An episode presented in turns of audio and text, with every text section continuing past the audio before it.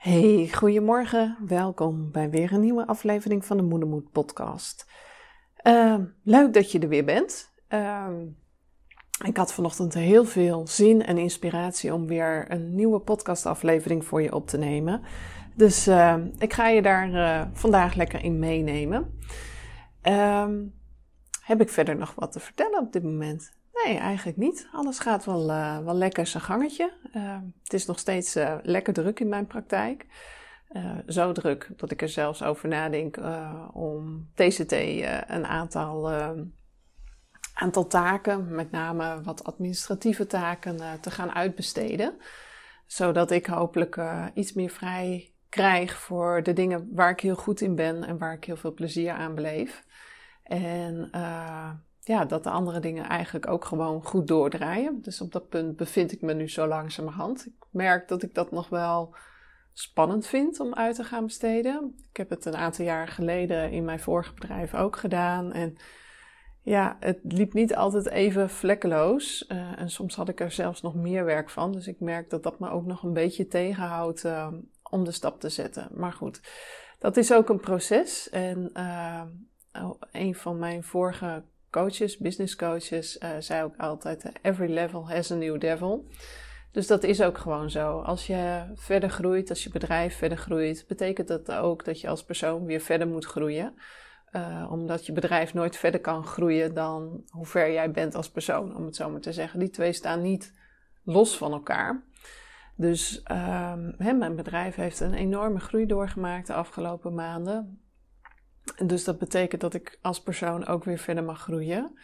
Um, en daar ben ik ook niet te beroerd voor om dat zomaar te doen. Ik vind het uh, altijd heel fijn om uh, mezelf te laten coachen, om hulp te zoeken bij de vraagstukken waar ik zelf mee uh, worstel. Want ook ik heb natuurlijk mijn vraagstukken. Ehm, het is niet zo van je doet even wat en je kunt de rest van je leven weer verder daar opteren. Nee, ik bedoel, het leven is het leven. En uh, dat brengt ook iedere keer weer nieuwe dingen op je pad. Uh, hele leuke en positieve dingen, maar ook wel eens een uitdagingen.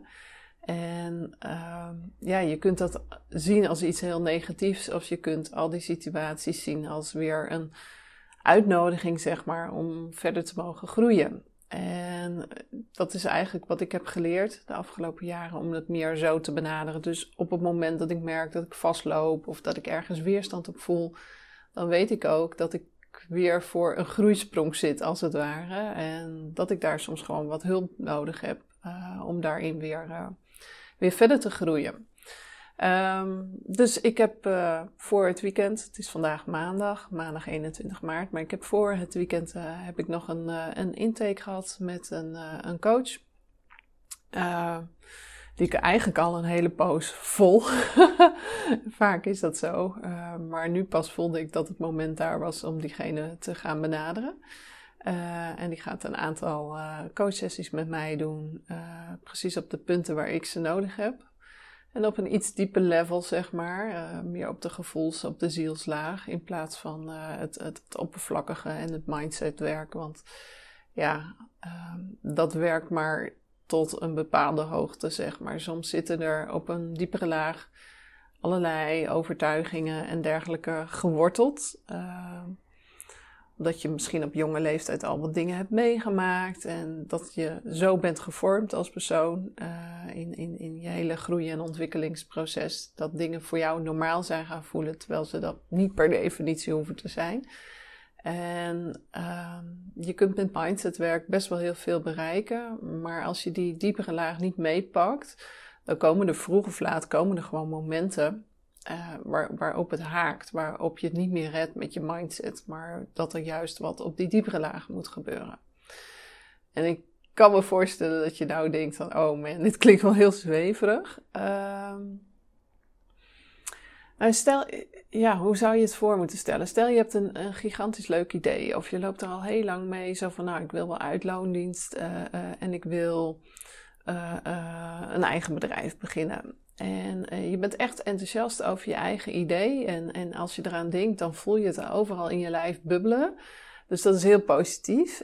En toch zet je geen stap. Soms toch kom je niet in beweging, maar blijf je eigenlijk alleen maar bij dat idee in plaats van ook daadwerkelijk iets te doen. en dan kun je heel veel mindsetwerk op doen. Van, uh, hè, dus je gedachten eigenlijk leren te besturen daarover. Zo van, nou, hoe groot, uh, wat is het ergste dat er kan gebeuren als ik deze stap zet? Hoe erg is dat dan? hoe erg vind ik dat dan? wat is het beste dat kan gebeuren? Die voeg ik er zelf altijd aan toe. Want soms zijn we zo gefocust op het negatieve. Terwijl als je een bepaalde stap zet, kan dat ook een hele positieve uitwerking hebben. En dan probeer ik die twee ook altijd te wegen, de negatieve en de Wat, positieve. Wat vind ik nou beter? Wat voelt voor mij goed? Uh, dus dat kan me helpen om bepaalde stappen te zetten. Maar toch kun je dan voelen als je dat soort werk doet, van oké, ja, maar in mijn hoofd heb ik het allemaal wel in mijn rijtje, op een rijtje en toch doe ik het niet of toch gebeurt er niks. Um, en dat is eigenlijk altijd een antwoord dat er iets op een diepere laag nog zit, of met name op een zielslaag, uh, wat nog aangekeken mag worden om uh, verder uh, te groeien en ook ervoor te zorgen dat zeg maar dat wat in je hoofd zit en dat wat op die diepere laag zit, dat dat meer met elkaar verbonden raakt. Nou, en eigenlijk sluit het onderwerp uh, wat ik heb daar wel heel mooi bij aan. Um, en dat gaat over waar werk je nu aan? werk je nu aan het oplossen van het probleem of het bestrijden van een symptoom. Daar gaat het eigenlijk over. En ik had het zo mooi opgeschreven en dan zul je altijd zien als ik het nu zeg, dan, dan, dan eh, ben ik dat weer kwijt. Ja, werk je op het symptoom of op de oorzaak? Um, ik spreek natuurlijk heel veel mensen in mijn praktijk, met name heel veel vrouwen, soms ook partners, um, over, over hun bevalling, over wat ze hebben meegemaakt. En veel van hen die vragen eerst een vrijblijvend kennismakingsgesprek aan met mij. Om gewoon eens nou, te kijken wie ik ben, hoe ik werk. Maar ook um, luister ik altijd uh, in globale, globale lijn naar hun verhaal. Stel ik een aantal verdiepende vragen om echt duidelijk helder te krijgen van in hoeverre uh, uh, spelen hier nu echt nog traumasymptomen? En uh, zou mijn manier van werken daarin nog verlichting kunnen bieden? Dus dat ja, geef ik altijd wel een hele, hele eerlijke reflectie. En soms hebben mensen dan wel zoiets van: ja, ik ga direct starten, klopt, komt goed. En anderen zeggen: nou, ik wil toch nog even wachten, of ik ben eerst nog met dit bezig, dus ik wil eerst even kijken wat voor effect dat heeft. Um, maar wat me heel erg opvalt, is dat heel veel mensen werken met anderen, zorgverleners, hulpverleners, op het symptoom en niet op de oorzaak. Nou, en daar zal ik je even in meenemen wat ik daar nou precies mee bedoel. Ik heb bijvoorbeeld cliënten die bij me komen die behoorlijk overspannen of zelfs burn-out zijn. Ze doen van alles om die uh, uh, overspanning of die burn-out op te lossen. Ze hebben misschien een burn-out coach in de hand genomen. Ze hebben gesprekken met uh, de praktijkondersteuner van de huisarts. die hoor ik sowieso heel veel. Ehm, ja, en dan hoorden ze, nou, je moet rust nemen, je moet leuke dingen doen, afleiding zoeken. ze gaan bijvoorbeeld naar een fysiotherapeut omdat hun spieren altijd zo strak zitten van hun kaken, van hun nek en hun schouders. En na zo'n behandeling van de fysiotherapeut, dan voelt het wel twee dagen wel weer goed. Uh, en dan komt het gewoon weer terug. Uh, ze gaan bijvoorbeeld naar een bekkenfysiotherapeut, omdat uh, ze heel veel last van hun bekken en bekkenbodem hebben. Ja, nou ja, die, die, dan merkt de bekkenbodemfysiotherapeut dat er heel veel spanning zit. Dus dan moeten ze, ze kunnen niet eens gaan trainen. Ze moeten eerst proberen te ontspannen. En nou ja, dat kost heel veel inspanning, maar eigenlijk lukt het ook niet zo goed. En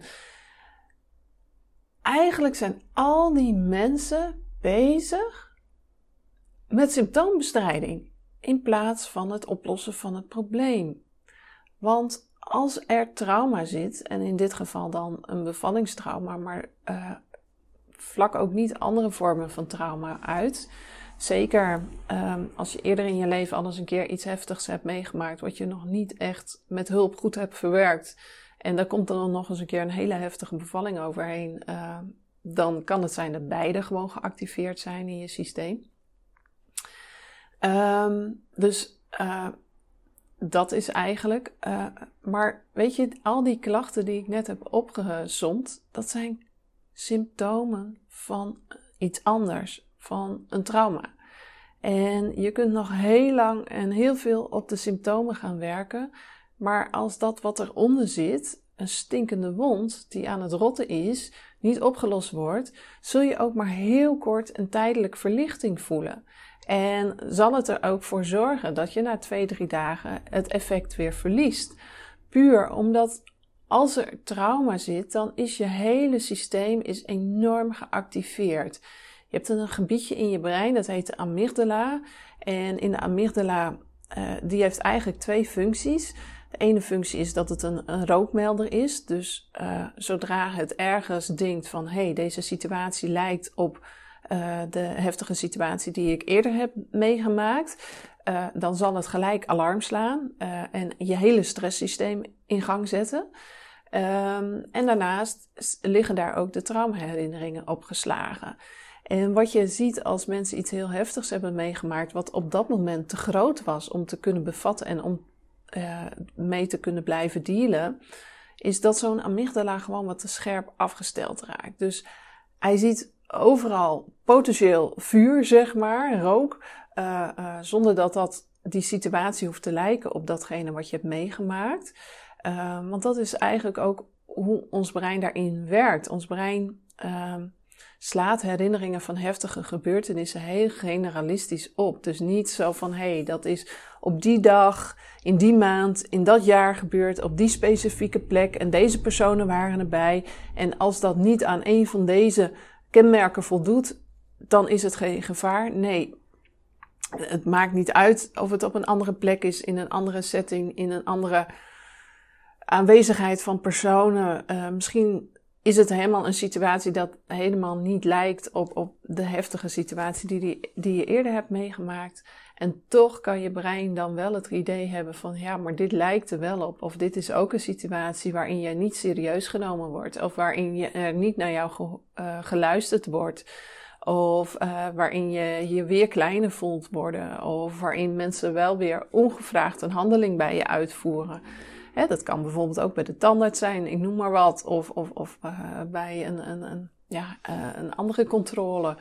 Of misschien moet je een uitstrijkje laten maken of een, wil je een spiraaltje laten plaatsen. Uh, maar merk je dat als die afspraak dichterbij komt, dat dat zoveel stress geeft, iemand weer tussen je benen in, dat je zoiets hebt van nee, laat maar, ik stel het uit. Uh, ik schuif het voor me uit.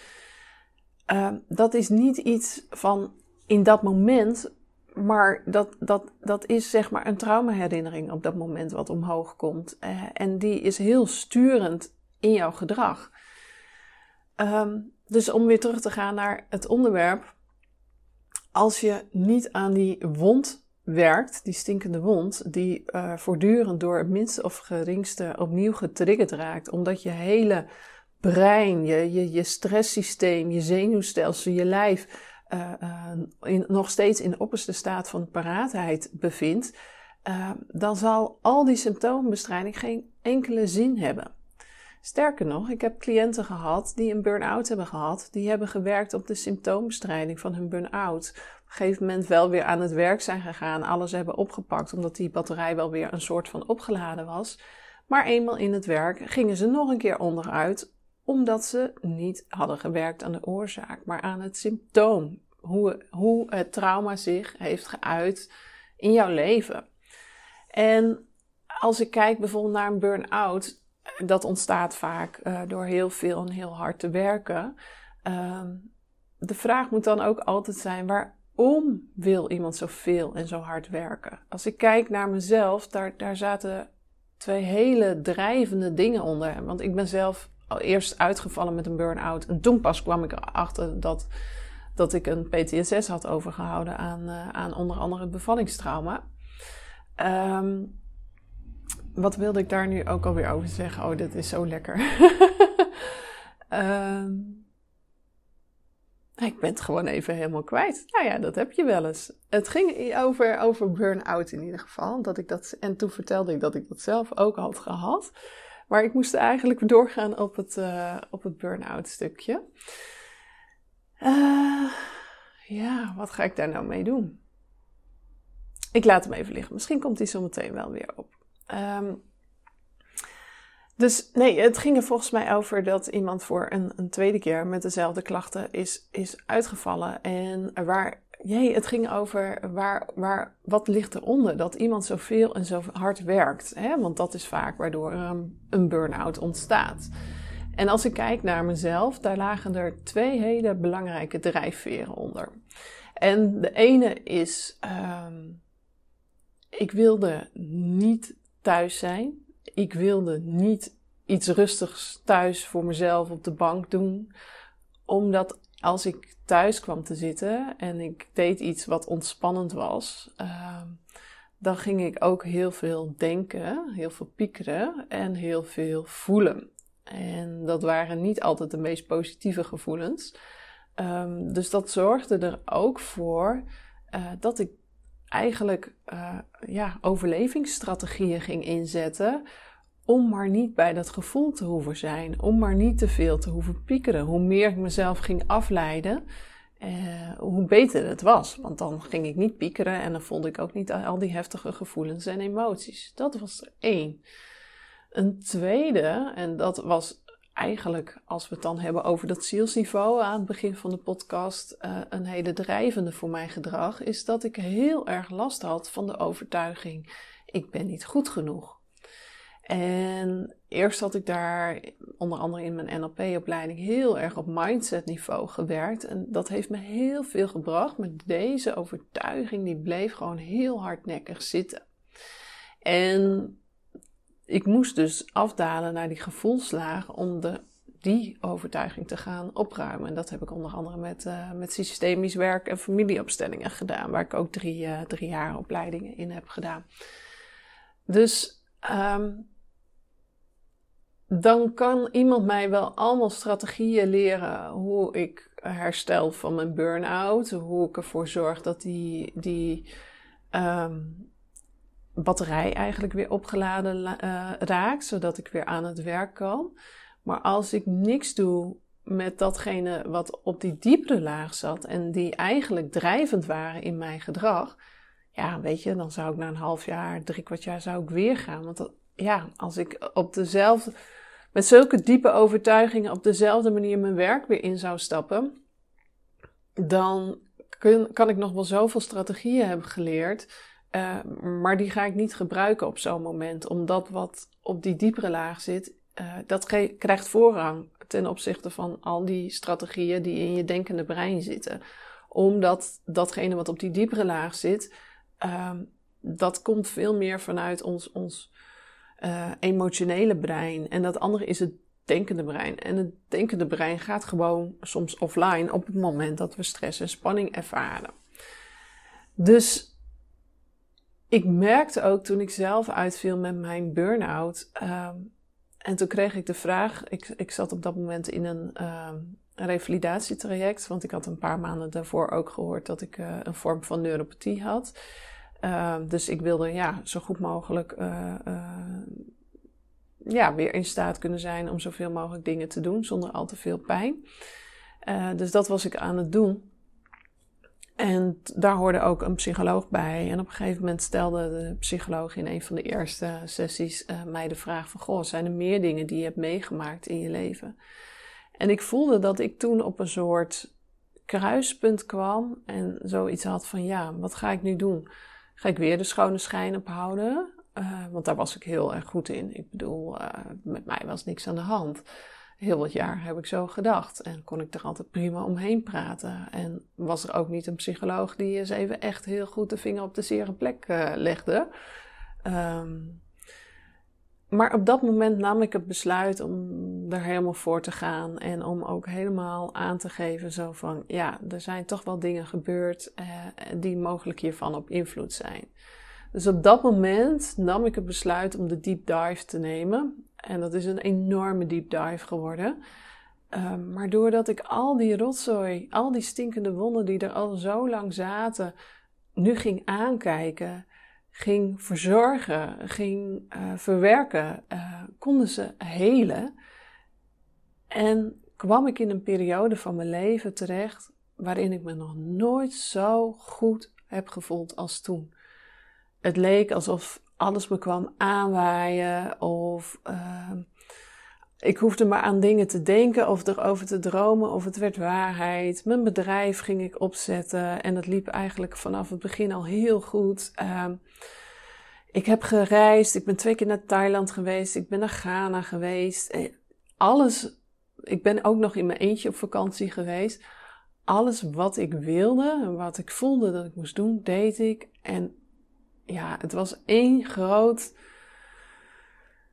geweldig proces. Het voelde zo verlichter. En de hele manier waarop ik in mijn werk kwam te staan, want ik heb natuurlijk mijn bedrijf eerst nog naast loondienst gedaan, uh, was zo anders. Ik voelde me zoveel meer mezelf, zoveel authentieker, zoveel rustiger van binnen.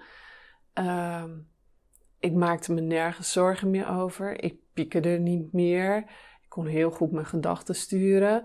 Uh, ik ging heel veel uitdagingen aan, omdat ik het juist zag als een uitdaging in plaats van een bedreiging. Ik heb me nog nooit zo goed gevoeld. En je mag ook eerlijk weten uh, dat ik dat stukje soms een beetje mis. Want ik ben een deel van het stukje door de hele tweede bevalling ben ik kwijtgeraakt. Ook onder andere door het niet aangeboren hersenletsel. Um, dus het werkt bij mij nu weer ietsje anders. Um, en soms mis ik die, die anker die ik was nadat ik al mijn rotzooi had opgeruimd. Die was zo licht, die was zo sprankelend, die was zo dicht bij zichzelf. Ik weet dat ik op een gegeven moment gaf ik een groepstraining. En ik kwam er halverwege achter dat, dat mijn gulp open stond. En normaal gesproken zou ik dan echt een kleur van vuur hebben gekregen. En me heel sneaky omgedraaid hebben in de hoop dat niemand het had gezien of gemerkt.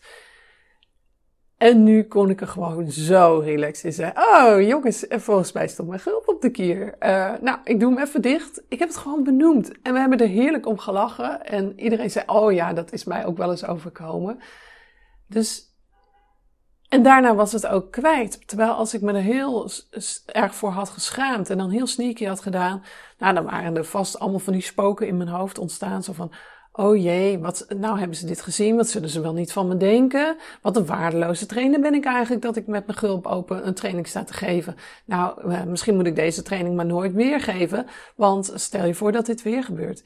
Dus van iets heel kleins kunnen dan in één keer hele grote, sorry, spoken in je hoofd ontstaan. Maar dat was ik helemaal kwijt. Dus ik, ik kon heel dicht bij mezelf blijven. Uh, en daardoor voelde alles zo licht en zo ontzettend sprankelend. En dat is eigenlijk wat ik jou ook gun. Niet alleen maar werken op de symptomen. Weet je, dingen kunnen elkaar heel erg aanvullen, maar wel in de juiste volgorde. Dus ga eerst je rotzooi opruimen Ga eerst je trauma verwerken en ga dan kijken hoe je verder kunt groeien, hoe je je symptomen verder kunt laten uitdoven, zodat ze ook een blijvend effect zullen hebben. Hè, ik bedoel, nadat ik mijn trauma had verwerkt, voelde ik ook van ja, ik, ik heb nu de kast opgeruimd, uh, maar ik heb nu allemaal lege laadjes in mijn kast. En je weet misschien wel hoe het gaat als je iets hebt opgeruimd en je hebt een leeg laadje. Na twee weken, als je er niet zelf heel bewust weer nieuwe dingen in terugstopt in een bepaalde geordende manier, uh, binnen twee weken is het een rommelaartje weer geworden. Want ja, oh, waar moet ik dit nu kwijt? Oh ja, daar had ik nog een leeg laadje. Hup, erin, hup, erin. En voor je het weet is het weer één grote chaos in die la. Dus het voelde voor mij ook heel leeg en heel kaal dat ik alles had opgeruimd. Ehm, maar dat ik er niet weer wat nieuws in terug had gestopt. Um, dus dat is ook de meest juiste volgorde. Ga eerst opruimen, ga eerst je trauma goed verwerken en ga dan opbouwen. In plaats van symptoombestrijding doen. Ik hoop weer, wederom, daar maak ik denk ik deze podcast ook. En het is wel heel grappig om te horen dat steeds meer mensen mijn, mijn podcast ook beluisteren en voorbij zijn gekomen. Uh, en op een gegeven moment dan tegen me zeggen: Oh, ik heb die podcast geluisterd. En die moest ik horen. Die resoneerde zo ontzettend met mij. Uh, en dat ze daarna vaak dan ook contact opnemen van, goh, kun je wat voor me doen? Uh, dus dat is altijd wel heel, heel mooi. Maar ik hoop gewoon dat je weer iets voor jezelf uit deze podcast hebt kunnen halen. Dat je, dat je ziet van, hé, hey, welke keuzes maak ik nu uiteindelijk? En maak ik ook de juiste keuzes in de juiste volgorde? of zou ik niet toch eerst iets met mijn trauma moeten doen? En daarna moeten kijken van uh, wat ruim ik op. En het mooie is um, dat trauma, uh, wij kijken er in Nederland als iets heel mentaals aan, maar het is ook zo fysiek.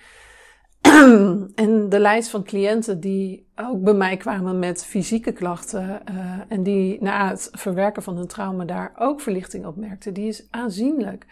Uh, ik, ik heb mensen gehad met, met maagproblemen, met hoofdpijnproblemen, met migraines, met uh, spierspanning in nek en schouders, met bekken, bekkenbodemproblemen. Um, en die na het opruimen van een trauma daar enorme verlichting in hebben ervaren. Omdat het lichaam rea reageert fysiek ook op wat er gebeurt. Um, als er nog heel veel trauma in je lijf zit, uh, je maakt meer stresshormonen aan dan andere mensen die dat niet meer hebben. Dus, en veel stresshormonen in je lijf hebben ook nadelige effecten. Uh, ook op, op hoe je organen werken, bijvoorbeeld op je darmen. Dus um, het opruimen van het een kan ervoor zorgen dat je een enorme uh, stap voorwaarts weer kunt zetten, ook in je fysieke herstel. Nou, ik heb genoeg hierover gekletst, uh, vind ik. Uh, als je hier wat over kwijt wilt na het luisteren van deze podcast, laat het me weten. Vind ik altijd super leuk. Um, en dat inspireert mij ook weer om, uh, om weer nieuwe podcasts te maken. Uh, je kunt me natuurlijk een mailtje sturen via contact.ankevelstra.nl. En Velstra is je vel en dan stra erachter, dus zonder D of T ertussen. En je kunt me ook vinden op social media, op Instagram, Anke underscore Velstra. Of op Facebook ook Anke Velstra. En volgens mij is die naam mag wat langer zijn dan op, op Instagram bevallingscounselor en doula. Maar als je Anke Velstra intypt, dan kom je me vast wel voorbij. Um, dus via die manieren kun je met me in contact komen als je dat graag zou willen. Um, ja, en dat was het eigenlijk wel weer voor vandaag. Het is mooi weer. Ik, terwijl ik deze podcast opneem, kijk ik heerlijk naar buiten. Want ik zie nou, van allerlei bedrijvigheid hier, auto's langs rijden, mensen die, die wandelen. Prachtig om weer te zien hoe de wereld weer, weer ontwaakt zodra het mooi weer wordt. Ik heb zelfs vandaag voor het eerst een t-shirt aan. Ik heb wel een jasje mee voor als het wat koeler wordt, maar ik zit nog steeds in mijn t-shirt. Maar ik had vanochtend wel de winterjas aan. ja, dat dus. Zo'n tijd is het dat je ochtends je winterjas nog aan kunt op de fiets, maar smiddags eigenlijk je zomerjas alweer. Uh, dus ja, wel weer, uh, wel weer bijzonder. Hey, ik, uh, ik wens je een hele fijne, goede dag nog toe. Uh, fijne week ook toe. En heel graag weer tot de volgende podcast.